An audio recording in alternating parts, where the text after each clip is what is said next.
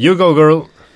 Zdravo v novi epizodi Metinega čaja, podcasta o medijih, dobrih in slabih praksah, novih tehnologijah in trendih prihodnosti. Gosti v medijih delajo, z njimi živijo in o njih razmišljajo. Gostitelja sva Nataša Briški Metina Lista in Aljaš Pengov Bitenc, Radio Chaos. Aljaš, zdravo. Živijo.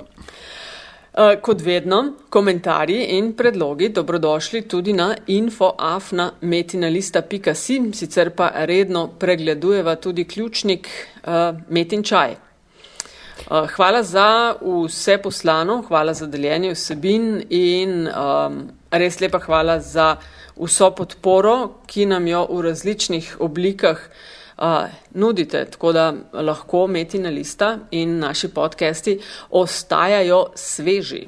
Točno to in za svežino podcasta včasih vsake toliko povabiva pred mikrofon, ne, ne ker z večjimi mikrofoni snemamo pa novam. Um, ljudi, ki uh, tudi zunaj meja Slovenije kaj vedo. Vse jih je veliko, ampak uh, mi dva izbereva res najbolj zanimive. Ja, en eden takšnih eh, bo v tokratni epizodi, številka 129, 129 imet in čaj ali až. Ja, res je, je, res je, res je. Lepo, um, lepo imava, ja. Tako da gost bo se v nadaljevanju vse poveva. Bila sva oba na terenu, posneto v Sloveniji. Um, Majčkam se bo slišalo kakšnega rožljanja kozarcev in skodelic za kavo in čaj. Uh, ampak tako pač je na terenu, ne? Ja, takrat, ne, ko je treba delati, je treba delati eh, in včasih se je treba znajti. Ja, a, tako da predlagam, no, Aljaš, da kar greva k tokratnemu gostu, Marko Zorič, BBC, YouTube, video, Mac, Guru in kar je še tega več poveva v nadaljevanju. Z Aljažem sva na eni krasni konferenci uh, Enhancing Digital Diplomacy in uh, tukaj sva spoznala izjemno fajn predavatelja uh, in tako je kliknilo, deva ga med za met in čaj. Marko Zorič, BBC, YouTube, editor. Yeah? That's me. That's you. Okay, sorry. I just started with Slovene. We'll continue no, no, in English. Yeah. But I guess you might. You, do you understand a little bit? I can pick out a couple of words here and there, but I left when I was 15, and my rudimentary form of Serbo-Croat is not great. uh, so we want to talk to you about the video. It's the new black, maybe without the new. Mm-hmm. It's been going on for a couple of years. But we always start the podcast with uh, guests introducing himself mm-hmm. uh, with a couple in a couple of sentences. Could you place yourself in the media environment? Uh, where did you start? How come you're doing what you are? So very briefly, um, I started doing TV initially in the late 90, uh, 99, well, 1999. Um, and I did a variety of things, everything from music television with MTV, and then I did fashion TV, and then I did a few documentaries, and eventually I sort of got into the world of news with American uh, ABC. And um, that was the first time I sort of started dealing with news and sort of more um, the content that I'm dealing with now. But at that time, digital video was not, re- it was an afterthought. And I remember in, what are we talking about, 2007 8, uh, we started hiring people that were uh, known as digital reporters. And what that meant was we're getting to we're going to get people who uh, understand how the content lives away from the mothership, from the uh, from the TV broadcast.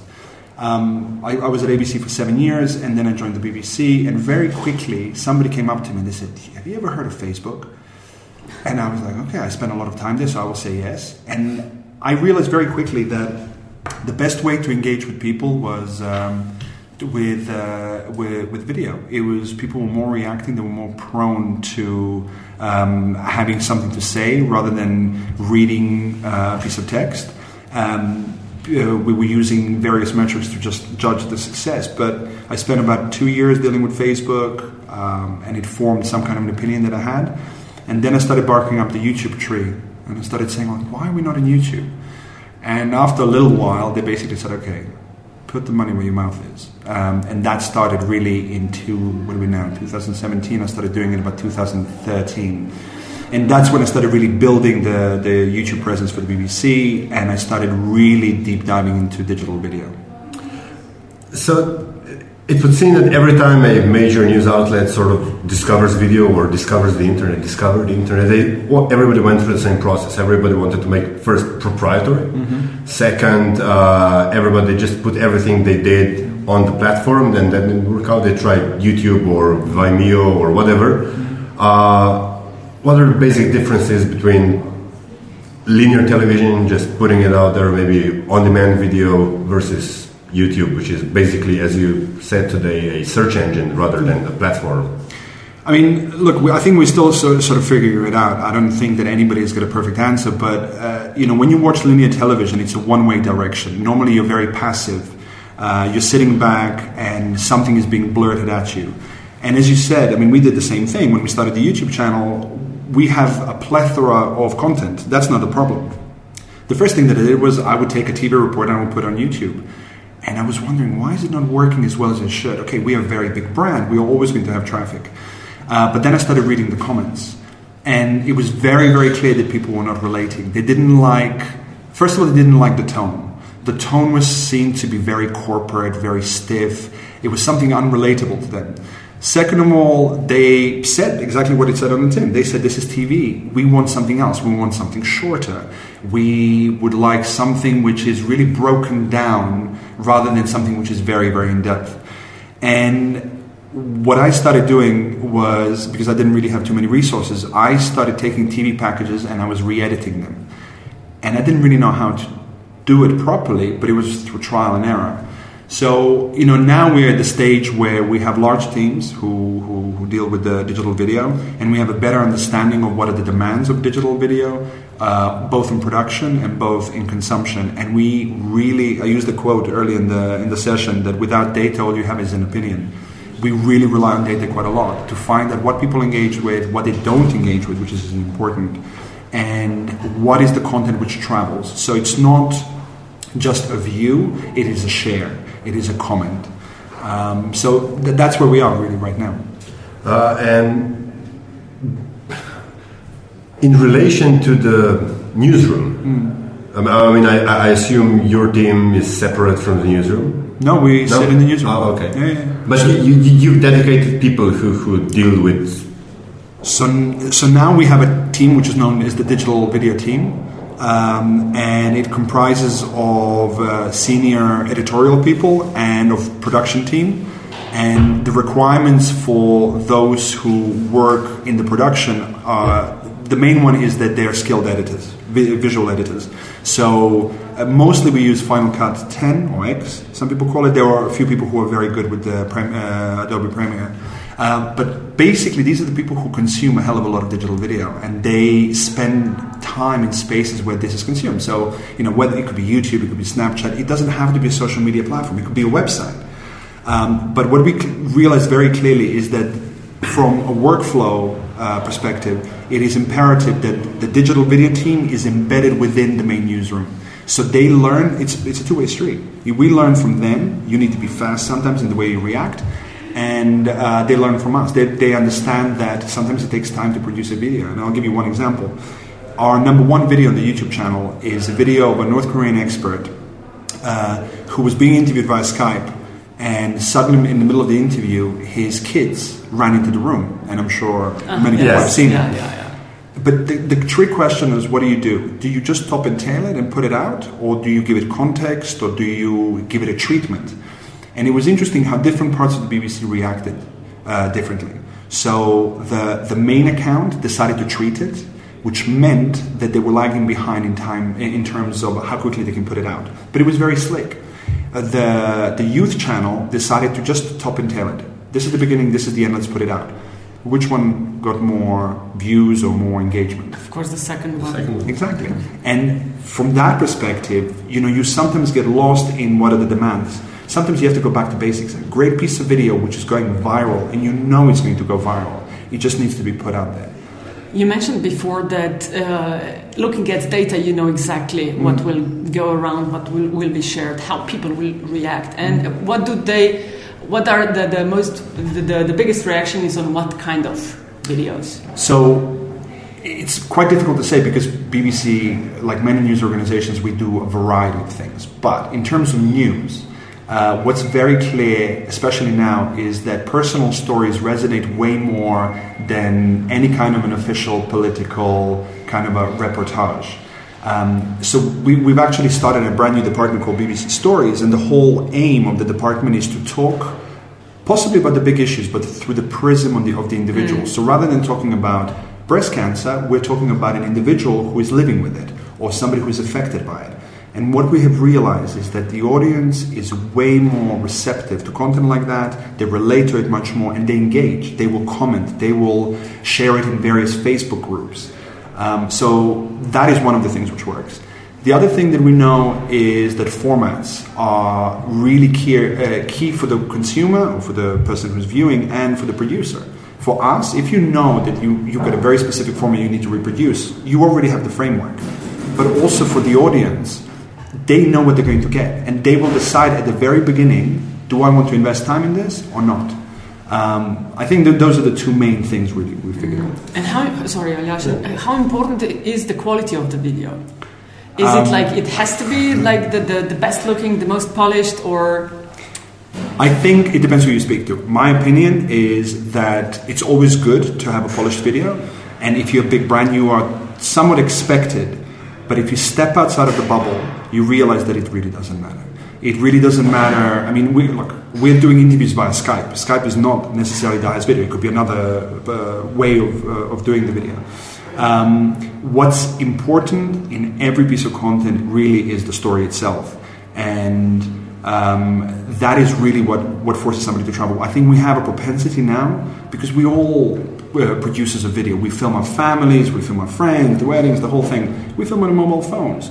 Do you film it vertically or horizontally? It's another debate. I'm a horizontal guy, but people Thank are. You. you see what I mean? Yeah. Three zero. Is it a square video? Is it a 16 by 9 video? There's so many questions. I think that's where the data comes in. Uh, the data will tell you what. I mean, the, da- the data will tell you what people are watching. You will never know if it's because it's square or if it's uh-huh. 16 by 9. But I think going back to the quality of video, I really don't think it's as important as people make it out to be.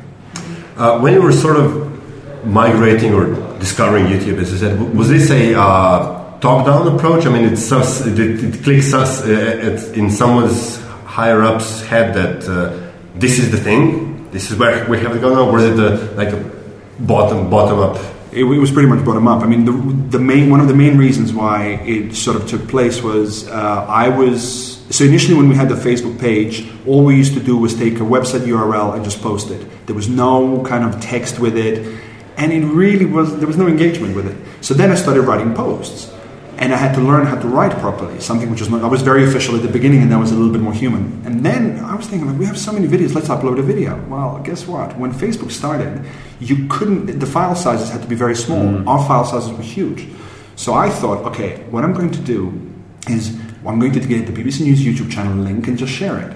And then I realized we didn't have a YouTube channel. So I started asking the questions. Now, is that the reason why we ended up with YouTube? No. But I think it started a conversation. And when you then look into the, the, the, the platform or whatever, whichever way you look at YouTube, you realize that there is a huge potential for, um, for engaging with a very different kind of an audience. Mm-hmm. It, it, took a while of persuading. I mean, we had to, uh, it, was, it was not done under the radar. It was done as, okay, here's one person who's going to take care of it. What can you do with it? My target was 1 million subscribers in the first year. I failed miserably. It took me four years. But guess what? We reached 1 million subscribers in December 2016. We're now in 2017 at the end of it. We're about to hit 2 million. So suddenly it started to pick up pace. Mm-hmm. Uh, BBC being the ideal that news organization in this, in this part of the world, or at least public news organizations, strive to uh, has its own video platform as well. It has an iPlayer, and mm-hmm. it, as far as I remember, they, they, made a big splash about it. I mean, a lot of money went into mm-hmm. it, a lot of effort. I would assume you're biased slightly towards the, your project, But, but, but still, uh, compared to the two, I mean, what, what are pluses or minuses of either one? I think, look, it's not that I'm biased to one. I mean, the BBC being the BBC, ultimately we have to be fair to every single platform. We're not just on YouTube. We're on Snapchat, we're on Instagram, we're on Facebook. We will be on new platforms. We're on chat apps. Um, we are working with Viber at times when we need to work with Viber. So we're very open minded about that. But what's clear is that you have to have different teams. Um, the thing about uh, the iPlayer is that as um, the public broadcaster, we have to create a place, a location for our viewers and users to have, to go to. It's like a database of videos. Um, so it's an incredible piece of uh, technology. Uh, it is domestic only at the moment, and I think that's the frustration. There is always a discourse about are we giving content away by putting it on Facebook? Are we giving it away putting it on YouTube? And you will find people who support both sides. My argument is if you brand your content clearly and you're watching it on YouTube, most people will see it as BBC on YouTube. So really, it's about brand awareness. Uh, but branding is very, very key. I don't think you are um, uh, giving anything away. I mean, look, we have a target of reaching 500 million users by I think it's 2020. We're not going to do. We're not going to be able to achieve that by just being on our own platforms. We need to chase the audience uh, into the places where they are. And as we all know, there's so much choice that it's now up to the big broadcasters to, to really attempt and make relevant content for those platforms. Sorry, just on, on a tangent, I, re- I don't know if you know that, Natasha, but the volume on iPlayer goes all the way to 11. Really? Yeah. Does it? Yeah. I didn't, I didn't know that. Wow. I mean, yeah, it's like all the way to 11. I don't know if I put, uh, paid attention. yes. I'll keep that in mind. Ma- Marko, in your experience, what would you say are the ingredients for success on YouTube? Um, so, like with anything else, I mean, having spent quite a lot of time looking into it, I, there's an official line from YouTube, what works on YouTube, uh, and it's important to understand what they value. And they value something called watch time. So, watch time is very simply described as uh, the amount of time spent on the platform in one single session. You can visit several channels at the same time, but all that time, so if you, I don't know, if you have three five minute videos, in total you accrued 15 minutes of watch time, five minutes will be attributed to the individual channels. What that does is that it informs you that the more watch time you have, the better it is, which means longer content. So what you will find, for example, is we are way more. Um, uh, ha- we're happier now to, to really delve into um, mid mid uh, duration content. So anything which is like maybe 10 minutes longer. We have a couple of documentaries which are 25 minutes longer. Um, the other thing which is success, you, you have to consider, I mean, you mentioned earlier, for me, YouTube is a search engine. The way we behave there is that you are, you have to be proactive. It's not, the, the material can be thrown at you, but it really requires a human interaction. So, um, digital optimization and meta tagging is paramount. I mean, if you're going to surface in search, and we know that Google own YouTube, um, you really need to either use third party platforms or you need to have a team uh, who understand what SEO optimization is, who understand what metadata tagging implies. Um, so, you know, there are certain tools you can use for free, but those are the sort of technical parts. I think in terms of uh, editorial, every brand will be very, very different. What's clear is that the less formal we are, the more palatable it is for that audience. But again, we broadcast to the whole world. I mean, if you're on YouTube, who's your audience? We might target an audience, but who is the audience? So we try to be a little bit different. We try to be a little bit more informal. We tell our reporters, correspondents, producers, think of it this way. You're not broadcasting to a million, you're talking to the one person behind. Um, and the other thing that I would say is, as I said in the presentation downstairs, is you really have, I would say, 30 seconds to 45 seconds to grab somebody's attention.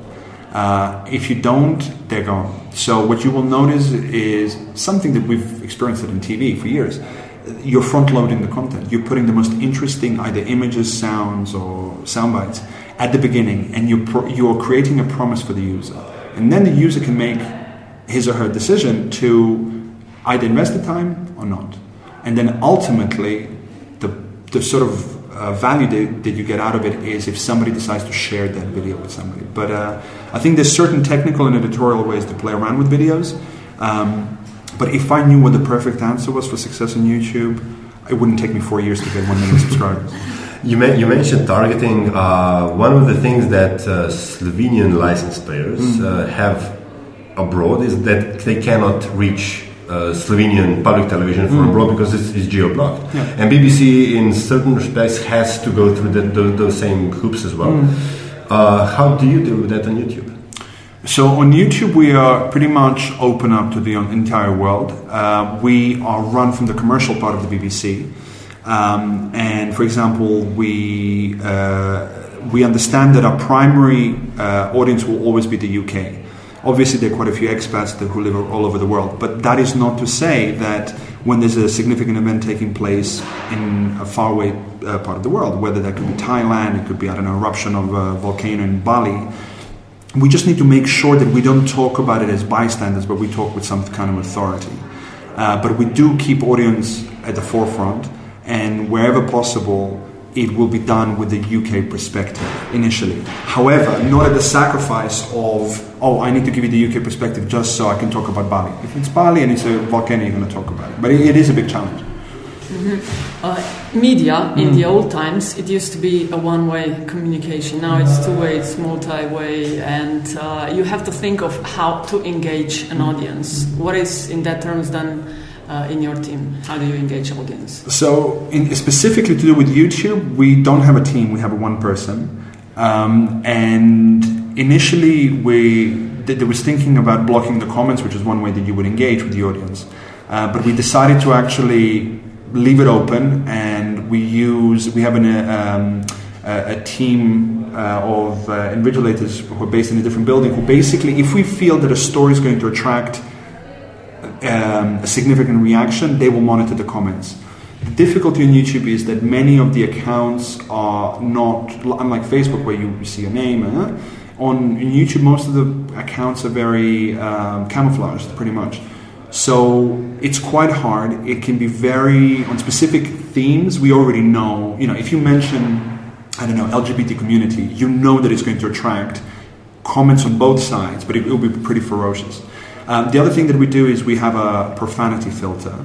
Um, and that works to a certain degree. I think it would be absolutely improved. So, profanity filter, for those who don't know, is a set of keywords which are swear words, and trust me, putting it together is a lot of fun because you come up with the most ridiculous uh, ways of expressing oneself. Um, and the, the, other way is really to, re, to be, the best way to engage really on YouTube with the audience is to make them part of your content. And that's what we have tried to do quite a lot. So we will put calls to action. We will say to them, "Okay, we're doing this story.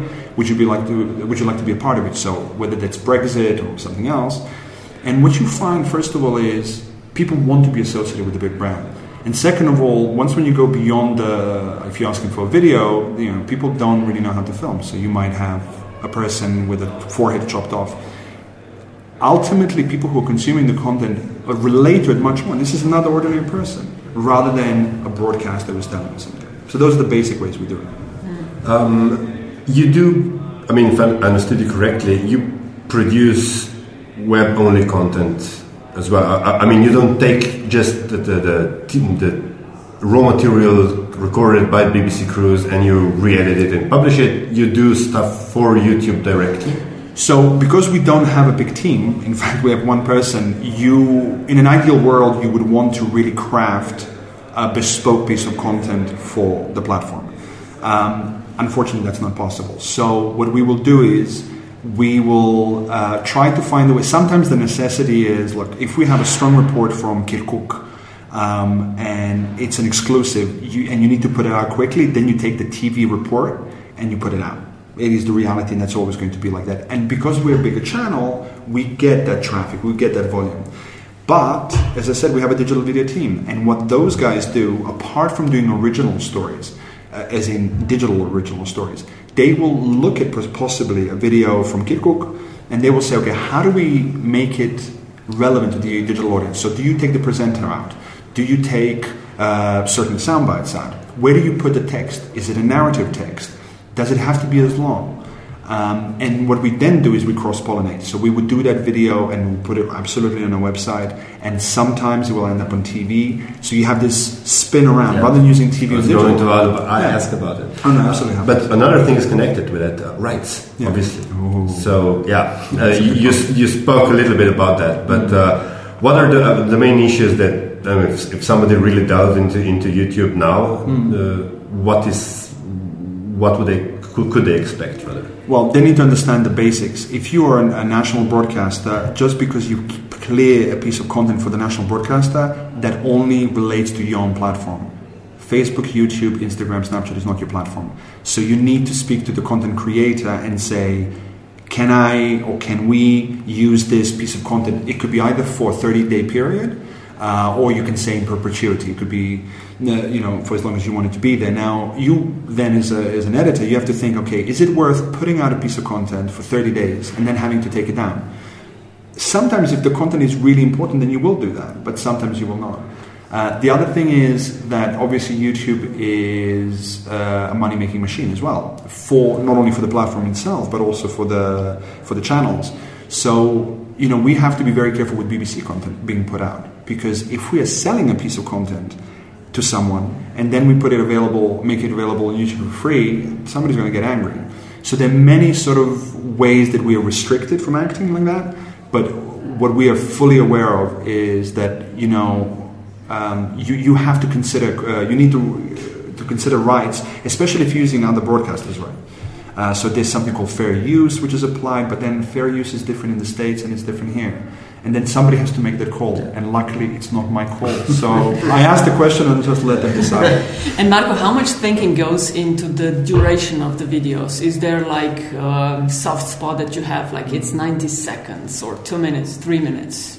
So it's changed quite a lot. At the beginning, there was a lot of thinking and brainstorming, um, and look, nobody knew. So we went back to the data, and it was very clear. So we started with very short videos. One short meaning short means up to a minute, up to a minute. right?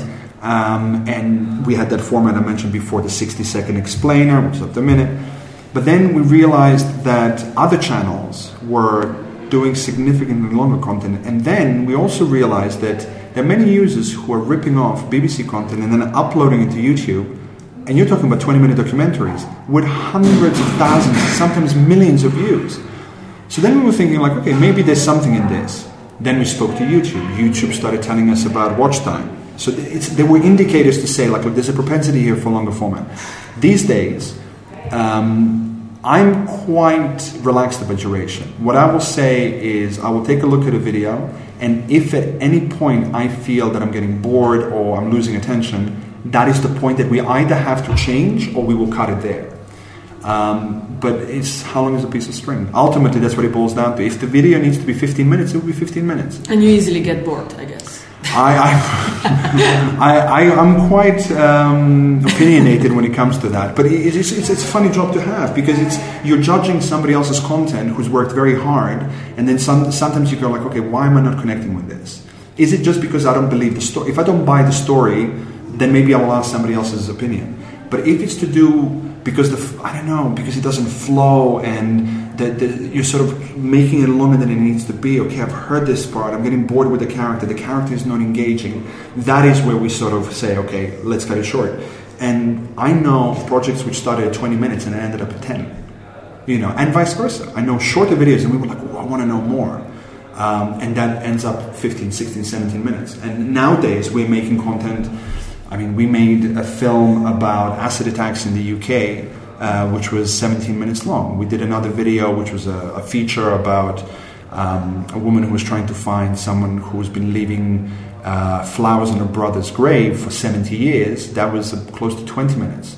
And that video has got almost 50% retention rate. So people are prepared to, but it needs to be crafted in that way, and that's important. Without trying to insult anyone, mm. the three of us here are were born in, in the analog age, yeah. and we sort of transitioned to digital. Mm. But kids, these I mean kids, mm. there are young adults these days that are completely digital natives. Yeah. And and is there a difference in the way they consume content, in the way they approach content? Uh, burning questions of, of, of, the day? Yeah, I think uh, they've got much less patience. Um, and that means that's where their attention is very grabbing their attention is very very key. Uh, I think that what I've noticed, and I don't know, this is just my personal opinion. Um, I if something is beautiful, uh, it's allowed to be slower. But otherwise, we're noti- well, I'm noticing how shots are getting shorter and shorter and shorter. Something which is really paramount in the US. So I remember seeing interviews which is like two seconds. So how do you make you feel? Great. And then it's you know, they're used to these fast-paced uh, pieces of content.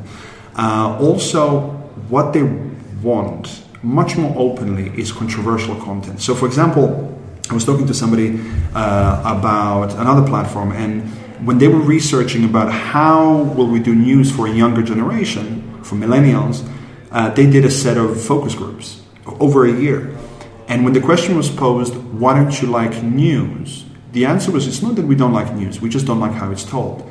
And when they delved in deeper, they said, we don't want you to be, we don't want a reporter to be on the periphery or on the sidelines. We want you to be immersed. Now think about Vice News. Mm-hmm. Think about how good they are and how, why do we find it, why do we connect with the content? The, the language is way more informal. It's way more the way we speak to each other.